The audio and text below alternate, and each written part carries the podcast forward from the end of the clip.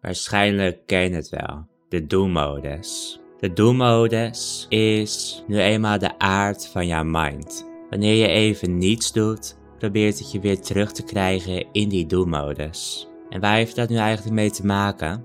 Nou, heel simpel. Je mind wil natuurlijk zien te voorkomen dat je vanuit die rust, vanuit niets doen, de ruimte creëert om te zien dat je veel meer bent. Want op het moment dat je dat daadwerkelijk inziet, heb je jouw mind als meester niet langer nodig. Het bestaan van jouw mind staat dus in feite op het spel op het moment dat je niet in die do-modus zit. Maar hoe kan je nou in vredesnaam de verleiding weerstaan die jouw mind jou de hele tijd door voorhoudt? Het wordt de mind ook zo makkelijk gemaakt. Wat voor moeite kost het nou om even je telefoon erbij te pakken en je social media te openen en mindless te scrollen?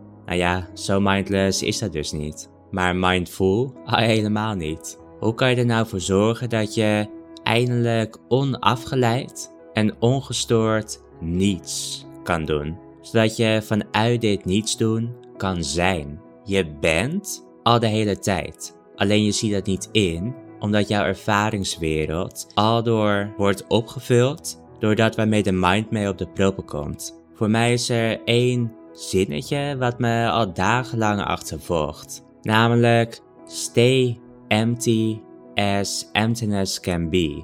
Blijf leeg zoals leegheid kan zijn. Je zal merken dat er telkens weer goede redenen ontstaan waarmee jouw mind de gelegenheid geeft om jouw aandacht compleet op te laten slokken. Er is dan geen enkele ruimte over om te proeven aan de nectar van zijn.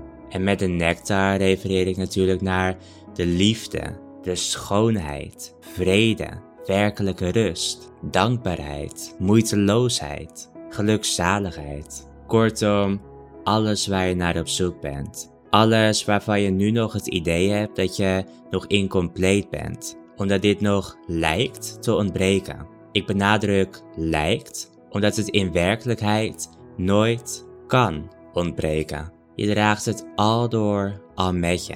Alleen je stelt jezelf er nog niet, of minimaal, voor open. Minimaal doordat je mogelijk nog voor een groot gedeelte leeft vanuit de mind. Vanuit het idee dat alles wat jou bekend is, echt is, waar is, juist is. En zelfs de dingen waarvan je gelooft dat het onjuist is, dat valt daar ook weer onder. Het lijkt misschien een onmogelijke opgave wanneer je probeert alles wat jou bekend is te kunnen overstijgen. Want waar begin je? Zelfs jouw pogingen komen ook weer voort uit het bekende. Hoe kan je hier dus ooit uit losbreken? Het paradoxale is dat je hier, het verwarrende, is dat je hier namelijk ook niet ooit uit kan losbreken. Je kan er nooit uit losbreken en tegelijk, paradoxaal genoeg, ben je hier altijd al uit losgebroken. De nooit impliceert dat je niets te doen hebt en de altijd geeft alleen maar aan dat je slechts hebt te zijn.